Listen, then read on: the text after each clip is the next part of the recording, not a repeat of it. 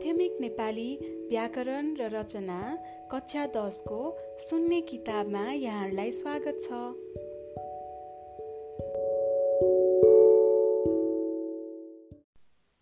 इकाइ उन्नाइस पाना नम्बर एक सय उनपचास शीर्षक प्रेरणार्थक।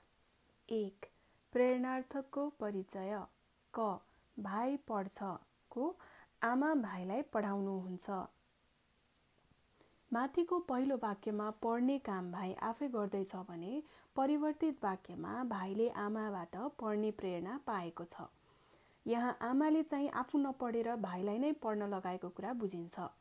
यसबाट के थाहा पाउनुपर्छ भने प्रेरणार्थक वाक्यमा प्रेरक भनेको आमाको काम उत्प्रेरित गर्नु मात्र हो तर काम गर्ने चाहिँ प्रेरित भनेको भाइ नै हुनुपर्छ। क्रियाको कार्य व्यापार कर्ताले आफै सम्पन्न गर्दैछ या कसैका प्रेरणामा गर्दैछ त्यसका आधारमा वाक्य प्रेरणार्थक र अप्रेरणार्थक हुन्छन्। कसैबाट प्रेरित भएर काम भएको भन्ने अर्थ बुझाउन वाक्यका विभिन्न खण्डमा गरिने परिवर्तनलाई प्रेरणार्थक भनिन्छ। दुई वाक्यलाई प्रेरणार्थक बनाउने तरिका। एक नयाँ प्रेरककर्ता थप्ने र पहिलेको कर्तामा लाई प्रत्यय जोडेर कर्म बनाउने जस्तै बहिनी लेख्छे को आमा बहिनीलाई दुईमा मूल धातुमा आउ प्रत्यय जोड्ने बहिनी लेख्छेको आमा बहिनीलाई लेखाउँ। तिन नम्बरमा परिवर्तित वाक्यको प्रेरककर्तामा का आधारमा क्रियापद राख्ने बहिनी लेख्छे आमा बहिनीलाई लेखाउनुहुन्छ। आमाका आधारमा लेखाउनुहुन्छ। चार प्रेरणार्थकमा मात्र ध्यान दिने क्रियापदको काल भाव पक्ष आदि परिवर्तन नगर्ने। जस्तै उसले फुटबल खेल्यो। मैले उसलाई फुटबल खेलाएँ। दिदीद्वारा चिठी लेखिन्छ। आमाद्वारा दिदीलाई चिठी लेखाइन्छ। ऊ छिटो हिँड्थ्यो तिमी उसलाई छिटो हिँडाउँथ्यौ। पाँच नम्बर।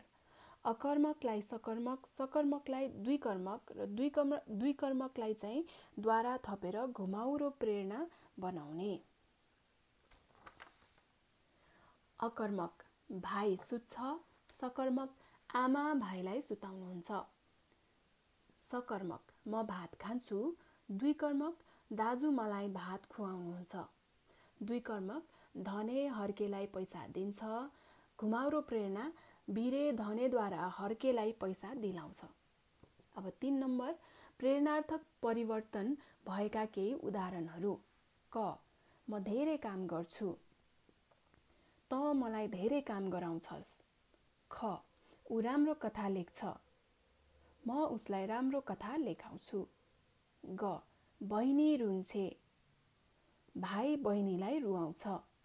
ङ मैले दिदीलाई चिठी लेखेँ। निशाले मद्वारा दिदीलाई चिठी लेखाई। च म तिमीलाई माया गर्छु। प्रतीक मद्वारा तिमीलाई माया गराउँछ। कुनै धातुका अन्त्यमा आउ प्रत्यय लाग्दैन जस्तै बाल बलाउ यस्तो स्थितिमा धातु प्लस न प्लस लगाउनु गर्नुपर्छ। यस्ता प्रेरणार्थकलाई घुमाउरो प्रेरणार्थक पनि भनिन्छ जस्तै क सन्दीप विराटनगर जान्छ। प्रयास सन्दीपलाई विराटनगर जान लगाउँछ। ख निश्चिता आउँछिन्। सृष्टि निश्चितालाई आउन लगाउँछिन्। ग शीतल र निशाले गीता गीत गाए। फेरि दोहोऱ्याउँछु। शीतल र निशाले गीत गाए। मैले शीतल र निशालाई गीत गाउन लगाएँ। घ जयन्तले डेरा सारेछ। साहुले जयन्तलाई डेरा सार्न लगाएछ। ङ नीति आगो बाल्छे। निशा नीतिलाई आगो बाल्न लगाउँछे। च मुना कहिले भात पकाउँदिन? आमा मुनालाई कहिले भात पकाउन लगाउनुहुन्न?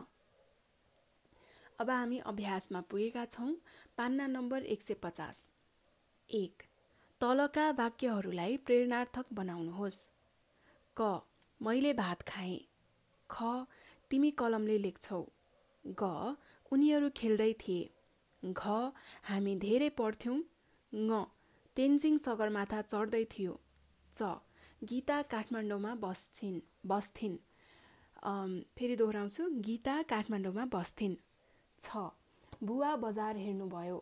ज सरिता पनि हाँस्ने छिन् झ उनी रुँदै हुनेछिन्। य कुसुम चुनावमा उठेको छ। ट हरिले फुटबल खेलेनन्। ठ श्यामले पिट्ला। ड उनीहरूले सबै कुरा भनुन्। ढ बहिनी धेरै बेर रोए हुन्थ्यो। र म ठुलो मान्छे बनु। त आमाद्वारा चिठी लेखिन्छ। ठ आज त धेरै पढियो। ड साथीहरूले काम नगर्लान्। ढ मोहन डेरा सरेछ। न लक्ष्मी पोखरा जान्थिन्। प धीरज गीत गाउँदैछ। फ पुलिसले बन्दुक ताक्यो। ब परेवा उड्यो। भ उमा भात पकाउँछे। म म त यही सुत्छु।